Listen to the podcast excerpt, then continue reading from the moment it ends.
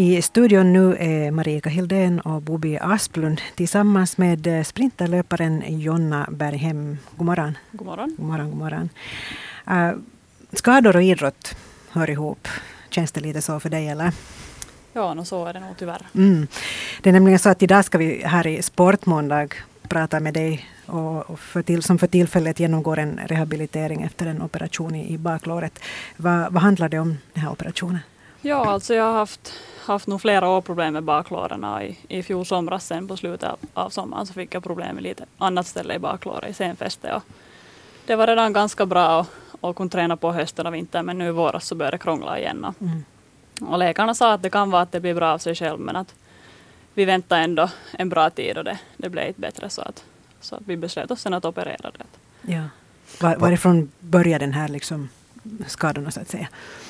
No, det är svår, svårt att säga att varifrån det har börjat. Är det överbelastat eller, eller, eller vad kan det bero på? Att nu var det där senfästet hade blivit, blivit spänt och förtjockat så att de hade delvis kapat det där senfästet och flyttade. Mm. Mm. Det var det jag tänkte fråga också, lite blodiga detaljer, men vi, vi, vi lämnar dem. Uh, hur gick operationen? Var alla nöjda, kirurgen och, och, och, patienten? Ja, det gick nog jättebra faktiskt. Att, att det, där, att jag har inte haft något, något desto större problem. Mm. Riktigt lyckat. Var görs sådana här operationer? No, jag var i Åbo nu och gjorde på, på Mehiläinen Neo. Att det var, vad heter det, där som det mm. grejades. Ja. Redan för ett par veckor sedan, eller en par veckor efter operationen så flög kryckorna all världens vägar och jag såg mm. på Instagram och sociala medier att, att du gick och riktigt ordentligt. Är det vanligt att det går så där snabbt efter en sån här operation att man får lämna bort kryckorna? Ja, alltså jag kunde ju gå direkt efter operation också. Några mm. liksom, eller så lätta, korta steg fick jag gå, men att inte nå desto mer. Två veckor så skulle jag ha kryckorna om jag går mer. Att, att det där, kanske lite förvånad är jag själv att det har gått så bra. Att, att när jag var och tog bort stygnerna nio dagar efter operation så sa de att det har, har redan börjat växa liksom in i skinnet, de där knutarna. Att det har lekt så pass bra. Så. Mm. Mm. Gjorde det ont? Liksom efter operationen så där när du rörde på dig? Ja, nu var det ju såklart klart sjukt men att det är ju förstås ganska hård medicin som man har på direkt ja. efter operation så man känner inte direkt men att var det kanske fem dagar efter operation så sen hade inte jag värkmedicin heller mer. Så. Rehabilitering är det som gäller nu. Vad, hur går, vad, gör, vad gör du under rehabilitering? No, nu i början så var det bara fråga om att börja, börja gå småningom mera och det där, på det viset belasta benen men att förra veckan så började jag redan med vattenlöpning och, och det där, nu den här veckan så lägger vi till övre kroppsträning och crosstrainer och sånt. Att småningom så ökar man belastningen. Du säger vi, eh, alltså du gör ja. allt det här och bestämmer själv, utan vem, vem har du då med som, som hjälper? Ja, alltså min tränare Petra Stenman och, och Micke Ylöstala som också är med. Det här baklåret är ju alltså det som vi hörde, så det är ingen ny sån här skada som, som som du har haft och du löpte ju korta häcken, det vill säga 100 meter häck tidigare, lämna bort den sen för att baklåret inte klarar av mm. det. Uh, nu har du prö- eh, liksom 400 meter häck, det som gäller. Hur, hur kan du löpa 400 meter häck men inte 100 meter häck? Du ska ju över häckarna anyway. Ja, no det är 400 häck ändå, ändå helt, helt annorlunda. Att där är lägre häckar och, och rytmen är helt annorlunda. Att man, det är inte lika lika påfrestande för baklåret där. Men att såklart måste baklåret vara i skick då för att kunna mm. löpa det bra. Ja, på 400 meter så det är inte kanske heller så, så rivigt som, som 100 meter. Nej, nej inte alls. Mm. Är det vanligt att idrottare byter gren? För det är ju det som det egentligen handlar om, att du har bytt gren i och med på grund av en mm. skada. Jag vet inte faktiskt, jag tror inte att det är så vanligt. Men att det har varit tur för mig på det viset att sprintsträckorna har passat bra men att 400 funkar bra. Jag tror själv att 400 häck var liksom min bästa gren fast jag löpt kort häck tidigare. Att kanske det var meningen att det skulle gå så här. Väldigt intressant. Jag is inte nu igen berätta om hur besvärlig sträcka 400 meter är. För det kan ju var och en tänka. Man kan inte löpa 400 meter för fullt. Det går bara inte. Liksom, mm. Krokna måste... någonstans halvvägs. Ja, no, jag skulle krokna ganska tidigt kan jag tro. uh, hur fr frustrerande är det för dig som idrottare att ha haft en sån här skada som inte ger sig, inte ger med sig, bråkar och bråkar och bråkar? No, nu är det ju såklart att, att det där, jag har ändå klarat mig mig så pass bra i, i, i Finland i, i just allt från 100 till 400 meter fast jag har senaste åtta åren haft problem. Att det var 2011 som det baklåret började, började bråka så att nu känns det ju på det viset liksom skita dit. Man, att man slipper att visa vad man går för. Att, Mm. att, men jag tror det är en orsak varför jag hålls motiverad ändå. Att jag vet att, att bara jag slipper att träna frisk och få det här problemet fixat. Så. Hur gör du sen? Liksom, har du någon form av terapi för uh, psyke eller, eller hur, hur gör du för att komma, komma vidare? Nej, jag har faktiskt inte an- använt mig av något liksom mental coaching och sånt. Mm. Att, jag, vet, jag brukar säga att man får nog bryta ihop bara.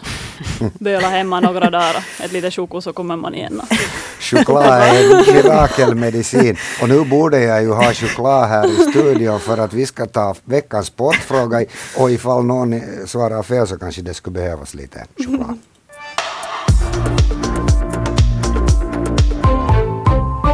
Är ju så att varje vecka får morgonvärlden svara på en ovanligt enkel sportfråga och idag har vi då alltså sprinterlöparen Jonna Berghem från Hangö IK faktiskt eh, som gäst här i studion så frågan handlar ju om sprinterlöpning, det säger sig självt. Frågan lyder, vem innehar världsrekordet på 100 meter eh, för damer?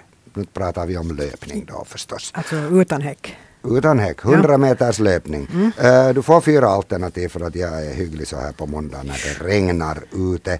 Eh, A. Marion Jones. B. Florence Griffith Joyner. C. Shellyan Fraser Price. Eller D. Merlin 80. Och nu har Marika det rätta Mm, svaret. jag har det rätta svaret och jag slår vad om att du igen har en sångare med bland de här fyra som du hade förra gången för att Mm. försöka lura mig. Det är två namn jag känner till och det är Flo- Florence Griffith Joyner och Merlin Otti som jag faktiskt kommer ihåg. Och jag tänker satsa på Florence Griffith Joyner för hon var ju väldigt färgstark med sina Mhm. naglar och dräkter och sånt här. Och jag har för mig att hon sprang något fruktansvärt fort och ingen har lyckats slå det sedan dess. Mm, det är, Det är mitt svar. svar. Okej, eh, Jonna, vad tycker du om det här svarsalternativet som Marika här erbjuder? No, jag måste säga att jag har faktiskt inte koll på det där heller. Men det, det låter bra, vi kör på det. Mhm, Så du pesar? Jag ser, jag för. Merlin Otti sprang också väldigt fort men att inte lika fort Mm. som Florence. Jag kan berätta att alla de här fyra damerna är är, okej. och alla är väldigt snabba och rätta svaret är just precis Florence Griffith Joyner. Mm, yay. 10.49 löpte hon. Eh, 16 juli 1988 hon gick ett uh, tidig död till mötes som 38-åring. In, ingen annan har egentligen kommit ens nära det här resultatet så spekulationer om dopning har funnits och kommer alltid att finnas. Eh, vi fortsätter med det här programmet. Vi har snackat lite om, om eh, Jonna Berghem som har haft i sju års tid eller åtta års tid problem med baklåret som nu är opererat och allting ser väldigt, väldigt ljust ut. ut. Rehabilitering pågår. När får du börja träna? Om man säger på riktigt, det vill säga löpträning och, och så här, att, att du kommer ut på banan igen.